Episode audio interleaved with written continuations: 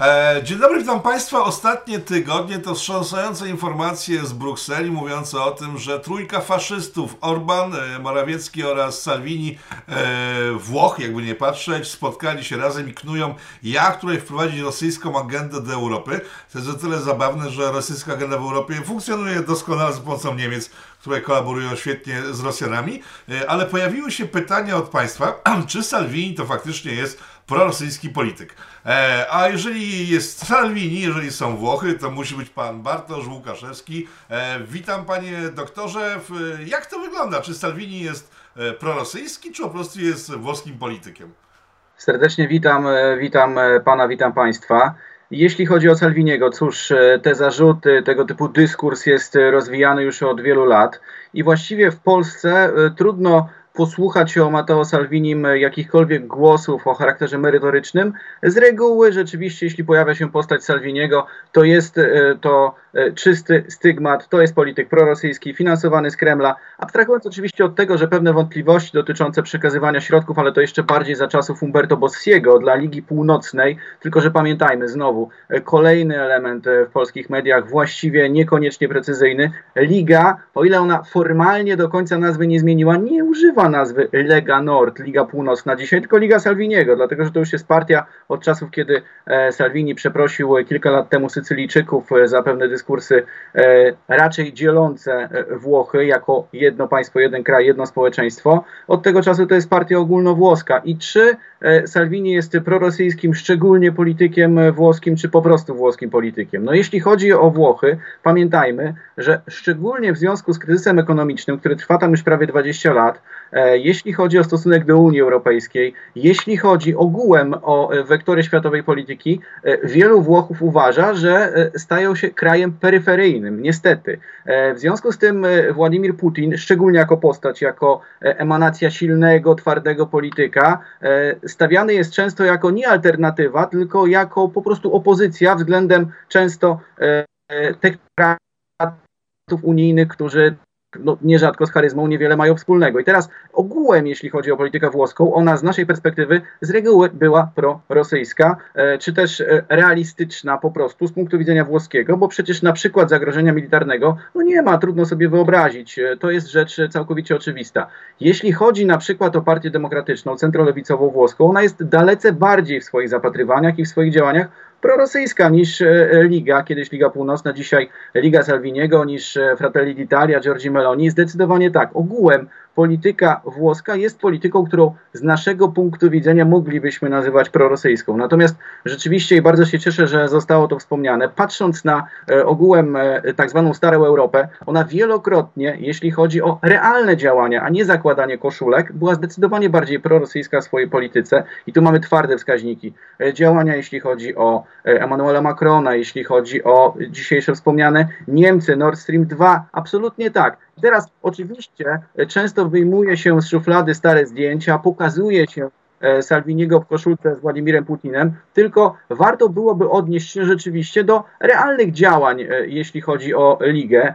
Naturalnie możemy powiedzieć, że Salvini pełnej władzy jeszcze nie posiadał, więc trudno to zweryfikować. Tyle, że jeśli chodzi o obecne działania, no, żadnych specjalnie prorosyjskich akcentów ze strony Salviniego nie można zauważyć, szczególnie, że we Włoszech trwa obecnie debata nad możliwością zakupu Sputnika, szczepionki Sputnik. San Marino zresztą zakupiło, San Marino szczepi, natomiast Włosi nie. Salvini wypowiedział się niedawno, że wszystko i tak zależy od decyzji Europejskiej Agencji Leków. Jeśli agendy unijne podejmą decyzję, że możemy, że jest bezpieczna, to wtedy, natomiast też nie ma nacisku. No to pokazuje, że e, jeśli chodzi o rodzimy dyskurs medialny, e, cóż, ja nie spotkałem się ze specjalnie pogłębioną analizą tego właśnie spotkania Salviniego, Morawieckiego i e, Orbana a cóż, e, przede wszystkim to jest jednak pewne porozumienie o charakterze światopoglądowym e, i przede wszystkim oparte na diagnozie, jeśli chodzi często niestety o rozkład, o dekompozycję instytucji unijnych. Mhm. E, Salvini, żeby się spotkać z Orbanem i Morawieckim w jednym kręgu unijnym, musiałby się pozbyć pani Le Pen. Czy to jest możliwe? Bo w tej chwili współpracuje z, z narodowcami francuskimi.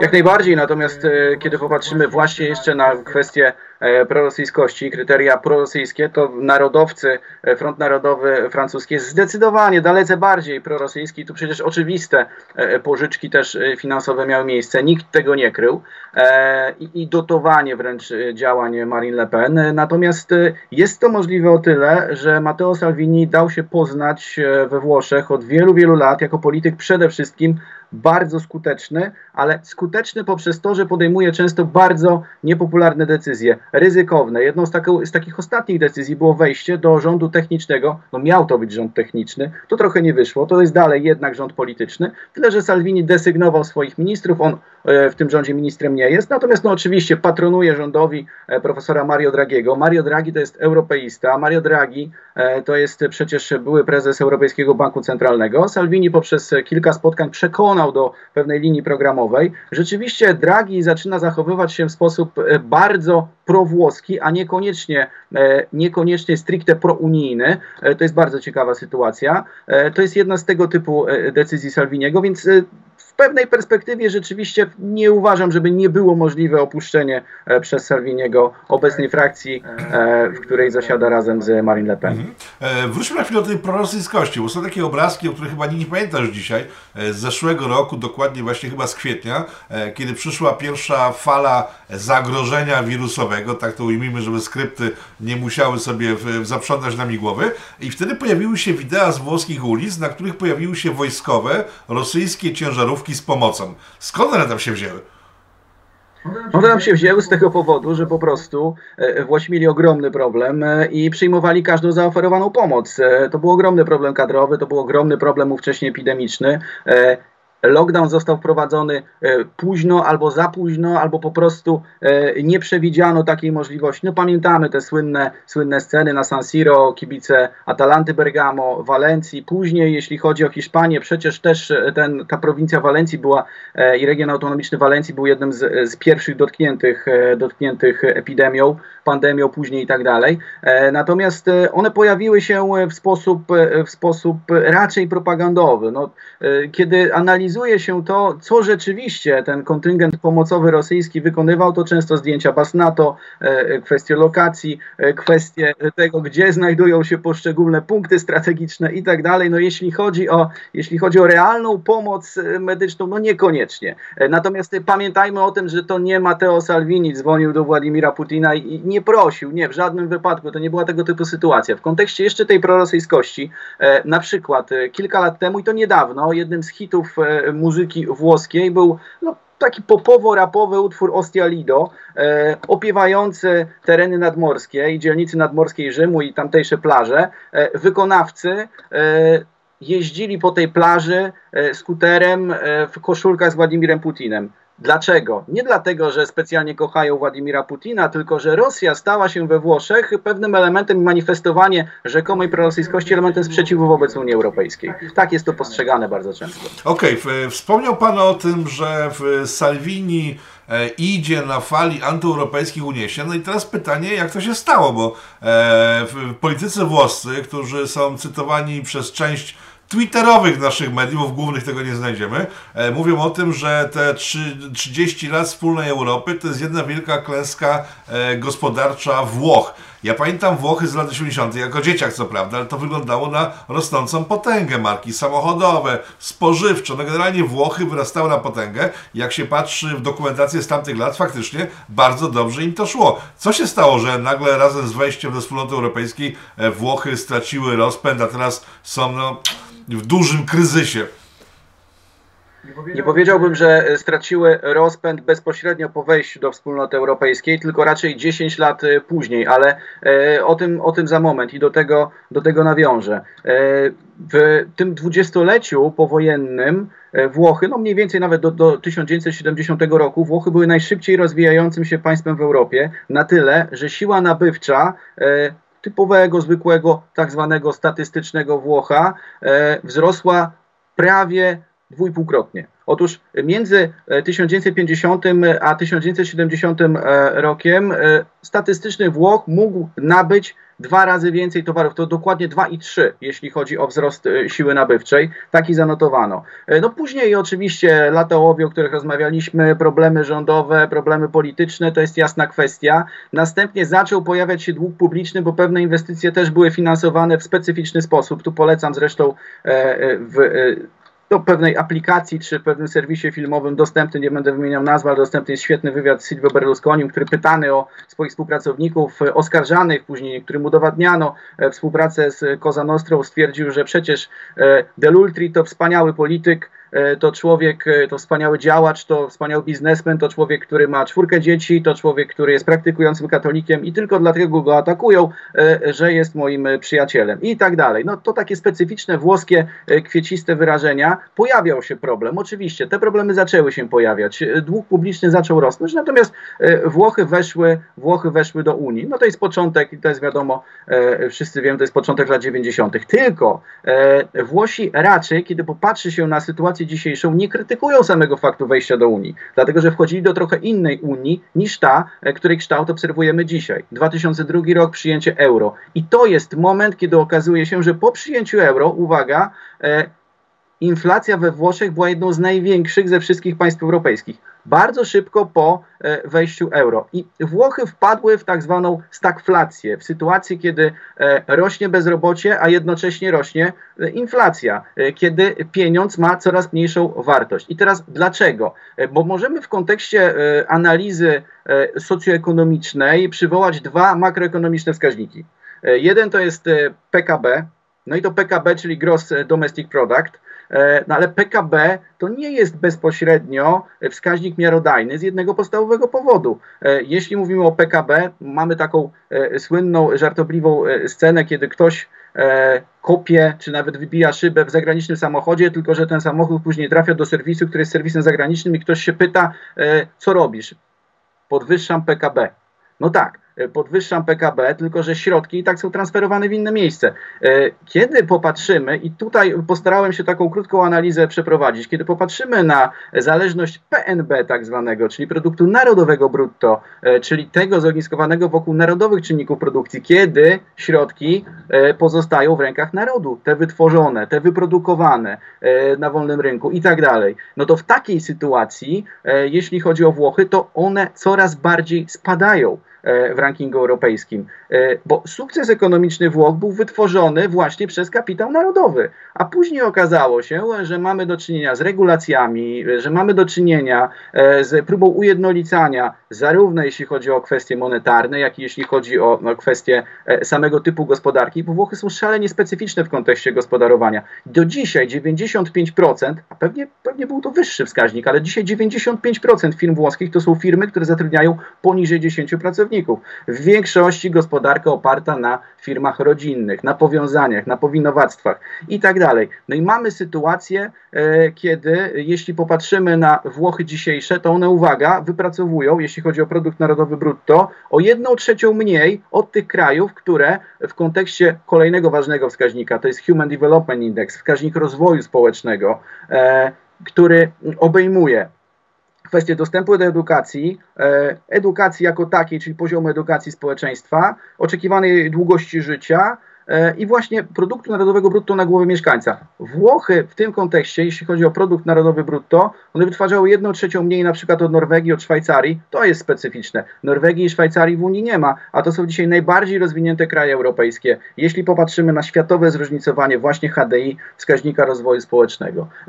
Włochy przestały wytwarzać produkt narodowy. No, oczywiście to jest e, zdecydowanie e, no, bardziej publicystyczne stwierdzenie niż naukowe. Nie tyle przestały, co rzeczywiście, jeśli chodzi o te wartości, zaczynają być coraz bardziej depresyjne. E, proszę mi prowadzić, bo mi tak z wiedzy, jaką mam, wynika, że Liga Północna zdobyła ogromne oparcie właśnie w związku z tym, że zauważyła, że dotacje unijne idą na biedne południe, a biedne południe zapanowane przez mafię.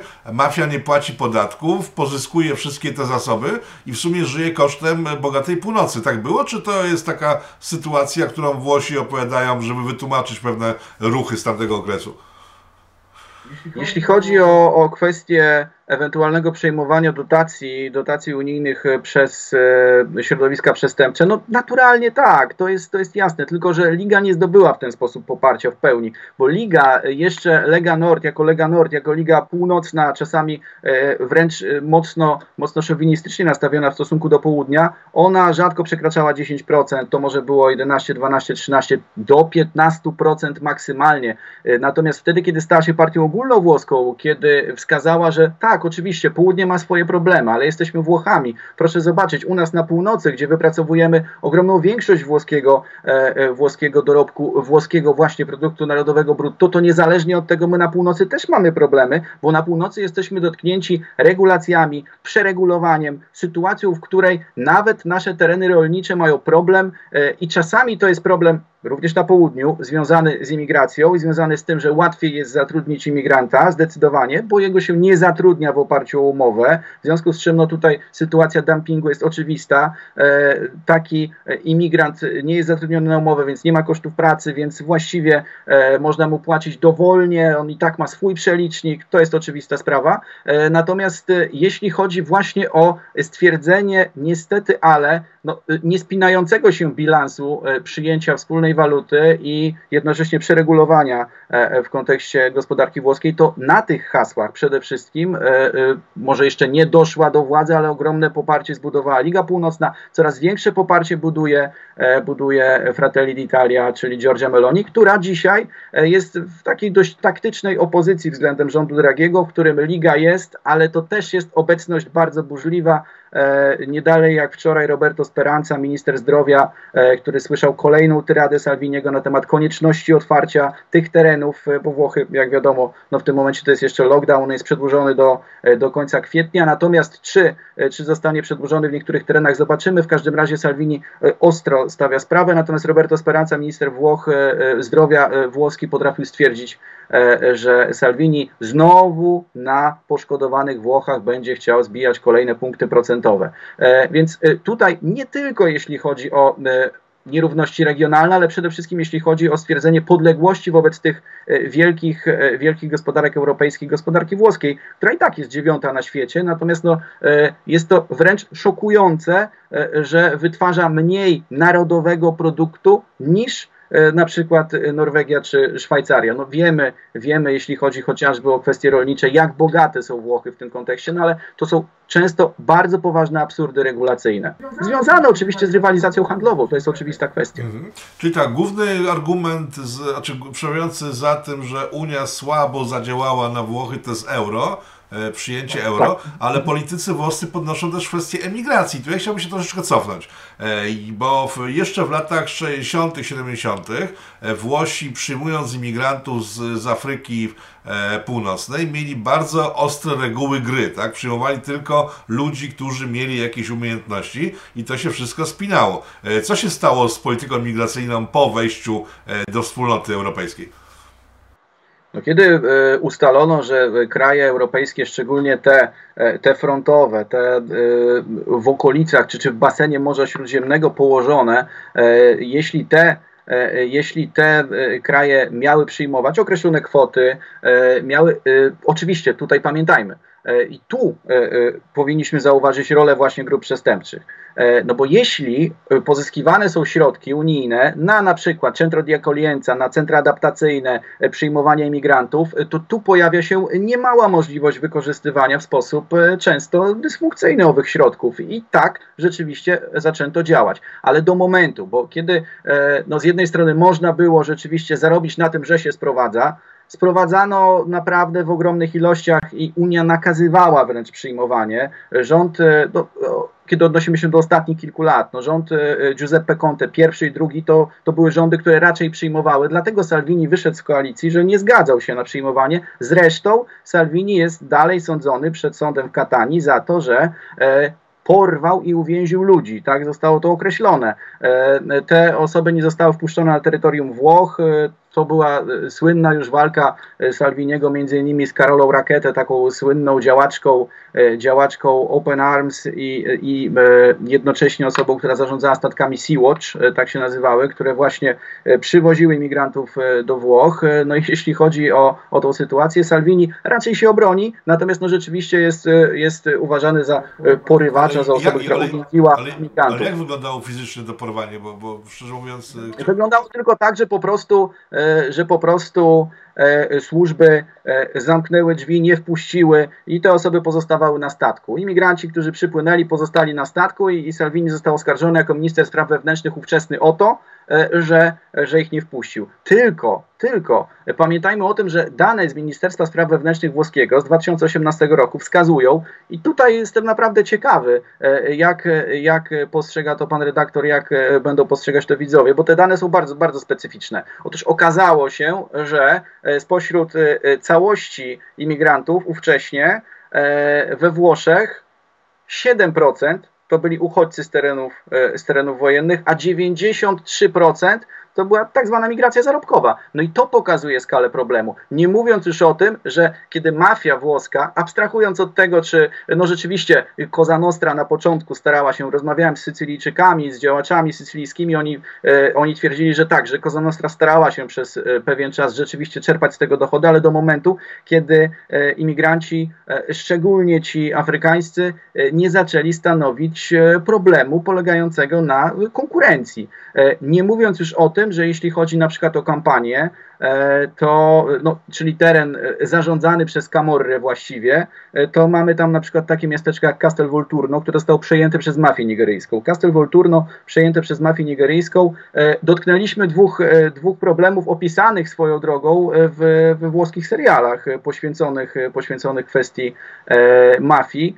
Jeden z nich, ten wcześniejszy, związany z centrami adaptacyjnymi, bardzo ciekawe pod tym względem, choć nie uważam, że to jest udany serial ogółem, Suburra, ale warto obejrzeć, żeby e, sprawdzić chociażby te odcinki, które poświęcone są kwestia, kwestiom migranckim właśnie. No a drugi, cóż, e, sądzę, że widzowie na pewno oglądali Gomorrę e, i jeśli chodzi o sytuację Castel Volturno, ono zostało po części pokazane. E, e, właśnie w tym serialu, e, kiedy mafia włoska Camorra, kiedy Camorra w swoim mateczniku Secondigliano posiada problem, bo akurat pewien transport z narkotykami został przejęty i w tym momencie zaczyna kupować narkotyki u Nigeryjczyków. Ci Nigeryjczycy przez moment skonektowani z klanem Levante, tak się nazywał w serialu Gomorra, a tak naprawdę to jest klan Kazalezi, i ten klan Kazalezi został rozbity przez policję, tylko że na jego miejsce momentalnie e, weszli wcześniej jeszcze delikatnie współpracujący Nigeryjczycy, e, którzy potrafili mówić, że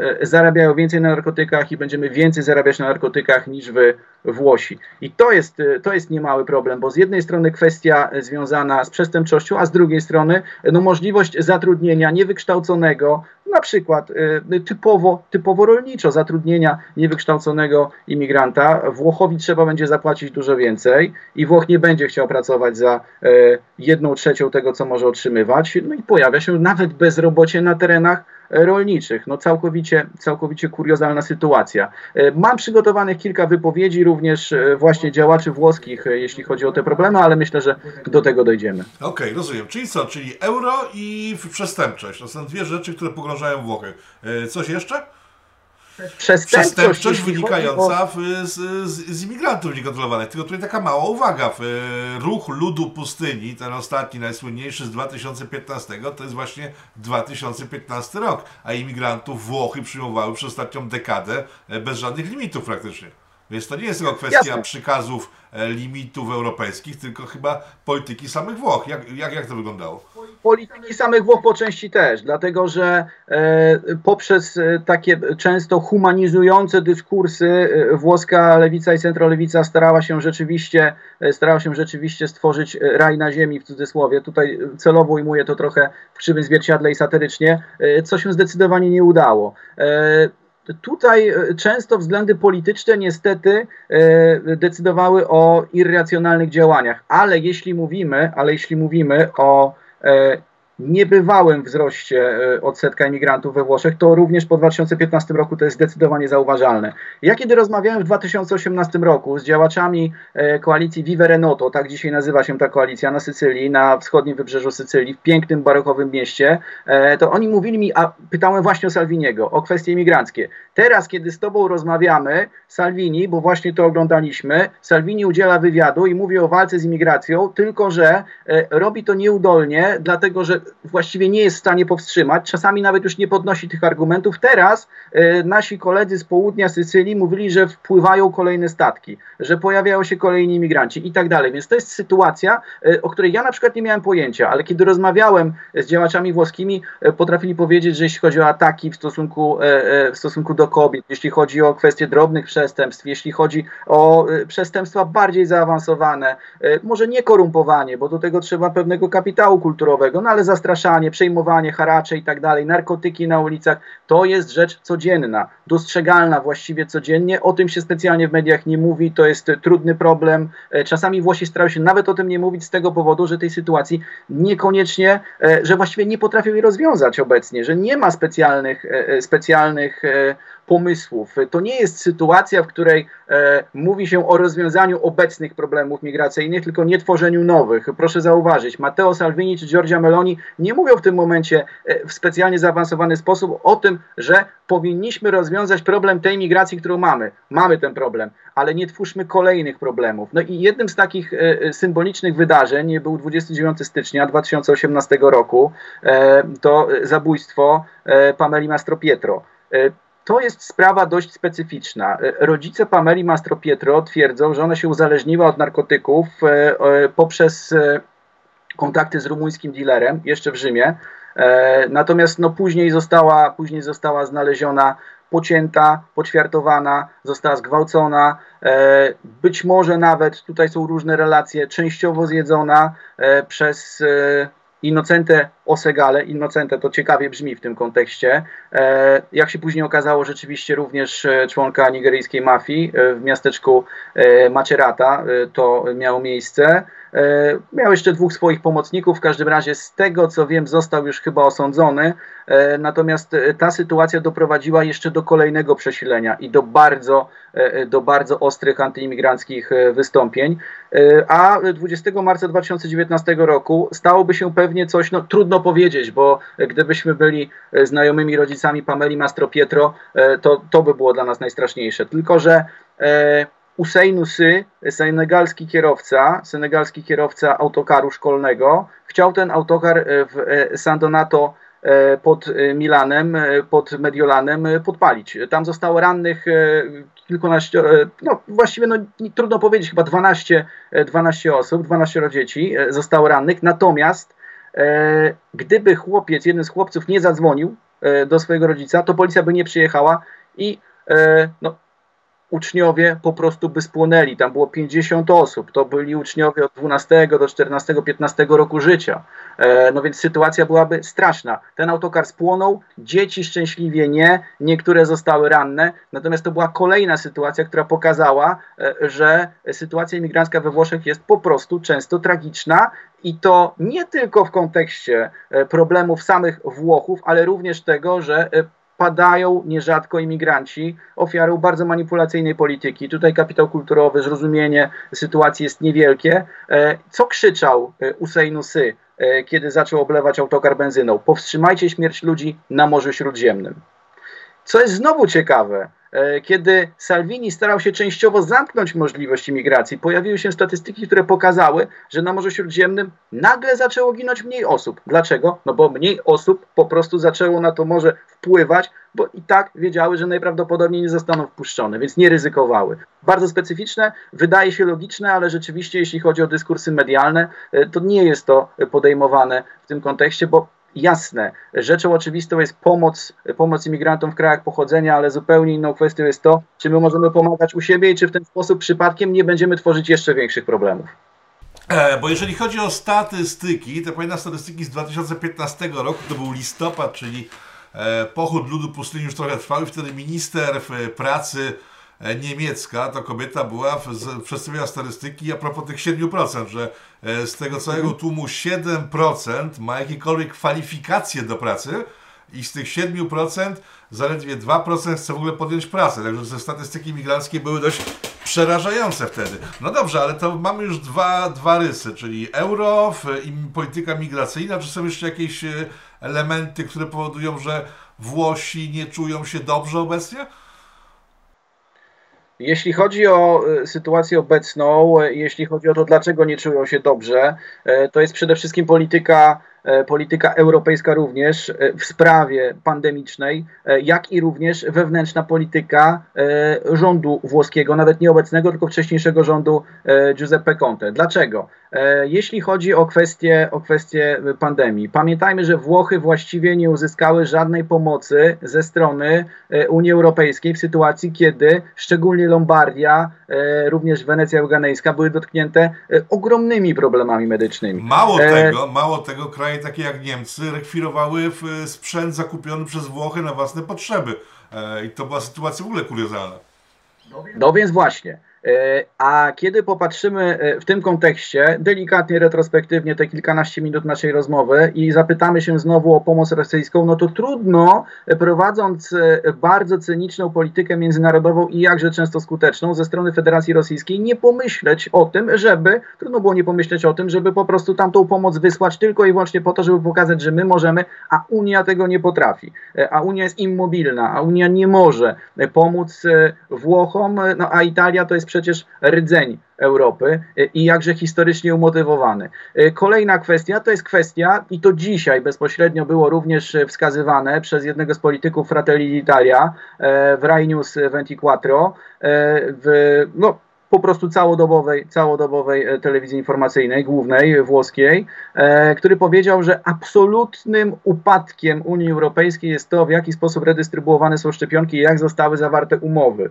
E, no bo samo to, że Włosi muszą się zastanawiać nad tym, czy sprowadzać Sputnika, czy nie, który to Sputnik już wprowadził niemałe zamieszanie, jeśli chodzi o Słowację, o Czechy, o rządy, e, to jest jasna kwestia, e, no pokazuje, że rzeczywiście te umowy po prostu zostały zawarte w sposób delikatnie rzecz ujmując dysfunkcyjny. Sam Mario Draghi sprzeciwił się, no a później Ursula der, von der Leyen stwierdziła, że jednak rzeczywiście tak, to jest skandal, nie róbmy tego w ten sposób ale pierwsze głosy były takie, żeby Włosi przekazali nie otrzymali swoich dostaw AstraZeneca, żeby przekazali Australijczykom. Y, Mario Draghi sam. I to był ten moment, kiedy rzeczywiście e, Salvini nawet delikatnie zyskał w sondażach, bo e, był atakowany za to, że wprowadza swoich, e, swoich polityków do rządu, osoby, która raczej była uważana za euroentuzjastę. Sam Mario Draghi, widząc jak wygląda sytuacja, trochę przestał być euroentuzjastą. Przypominam, były szef, prezes Europejskiego Banku Centralnego i nie przekazał tej partii szczepionek Australii. E, to jest kolejna kwestia, e, która niewątpliwie dzisiaj, dzisiaj wyprowadza Włochów z równowagi i determinuje niekoniecznie, niekoniecznie pozytywne nastroje społeczne. Znowu, jeśli chodzi o kwestię rządu Giuseppe Conte II, bo to tak tak zwykło się określać dzisiaj we Włoszech, to jeśli chodzi o rząd Giuseppe Conte II, to on raczej prowadził politykę bardzo prostą, E, i nie dywersyfikował obostrzeń. Oczywiście wprowadzone pewne strefy, natomiast ogółem tych najważniejszych raczej nie dywersyfikował e, w zakresie regionów.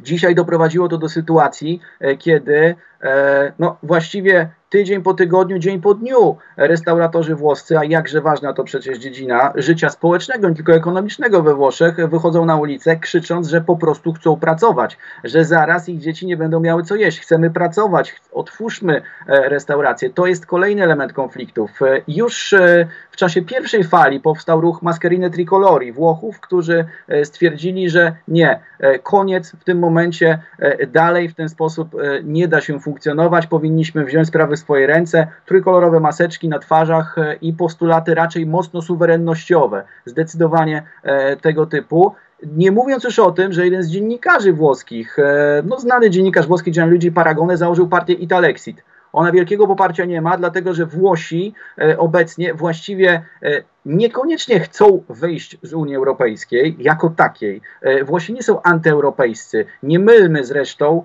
e, prounijności e, z proeuropejskością. To czasami dwie różne kwestie. Natomiast 30% Włochów jedynie dzisiaj ufa Unii Europejskiej. Jedynie 30% Włochów.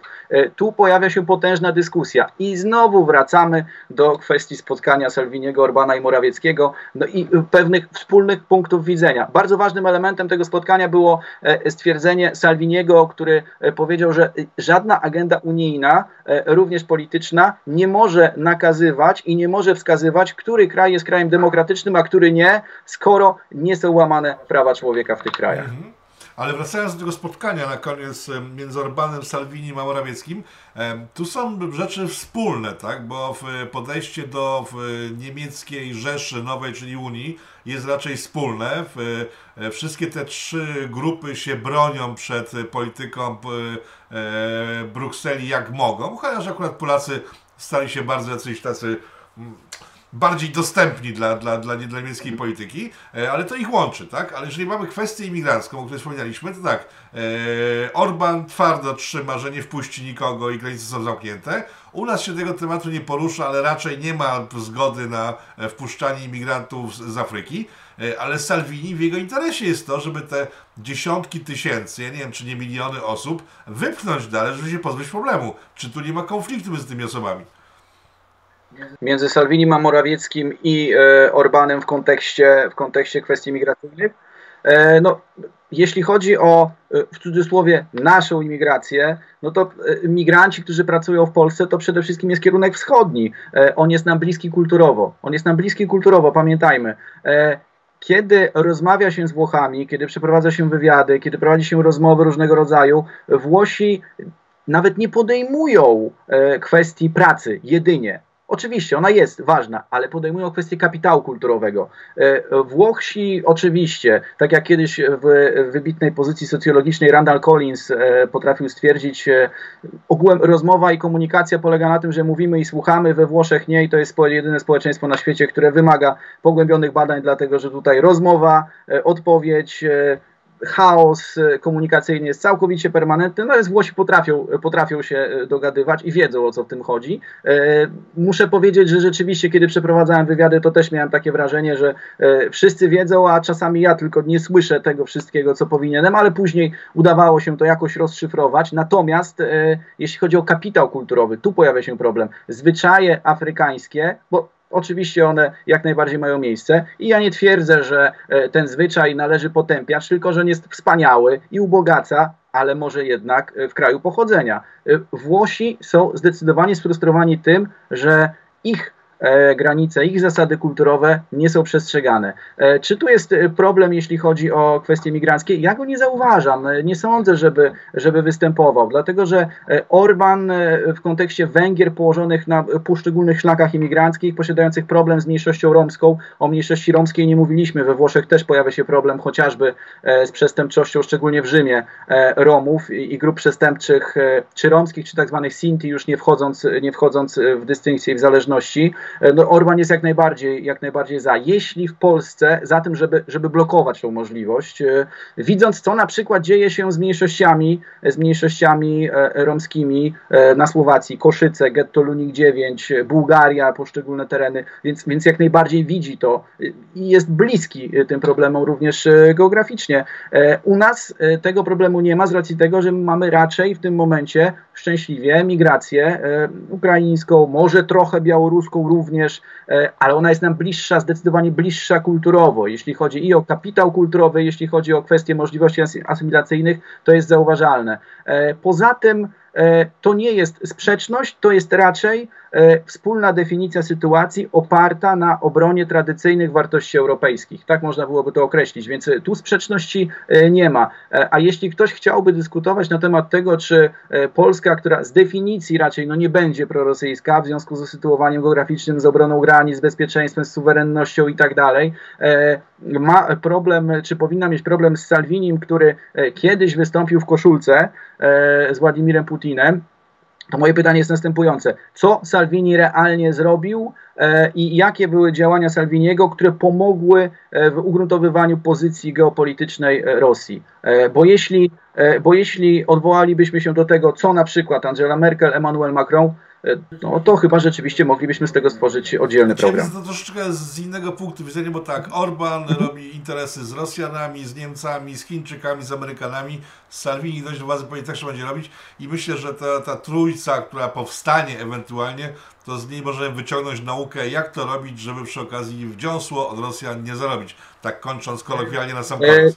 No właśnie, no właśnie to, jest kwestia, to jest kwestia ważna, polegająca na tym, że e, abstrahując już od sceny strony politycznej, w Polsce brakuje nam pogłębionej debaty i rozmowy. Tak jak rozmawiamy w tym momencie, okazuje się, że kwestie aksjologiczne to jest jedna strona, kwestia realnej polityki to jest druga strona, ale realna polityka wcale aksjologii nie musi w żaden sposób wypierać. E, z tego też powodu, że jeśli okazuje się, że pewne działanie przynosi zysk, na przykład zwiększa siłę nabywczą obywateli, e, jest realne, nie jest skrajnie cyniczne, e, nie wykracza poza zaszłości historyczne, ale umożliwia współpracę, to dlaczego takiego działania nie podejmować? E, polityka nie jest piaskownicą, e, a czasami zastanawiam się nad tym, czy kiedy e, słuchamy mediów mainstreamowych, to takie podejście nie zaczyna dominować. Ja już nie mówię o bieżącej walce politycznej, ale to, że ktoś ma kogoś na koszulce, a jednocześnie inni nie mają na koszulce, ale podejmują miliardowe inwestycje, no wydaje się, że tutaj to jest całkowicie Nikt się nie czerpie Adriana Zandberga za to, że biegał w koszulce z człowiekiem, którego ideologia wymordowała miliony osób, także myślę, że koszulki nie mają takiego wielkiego znaczenia w sumie, jeżeli nie muszą. E, szanowni Państwo, Państwo moim gościem był dr Bartosz Łukaszewski. E, dziękuję Panu bardzo. Zapraszam na kolejne spotkania w Włochach w najbliższym czasie.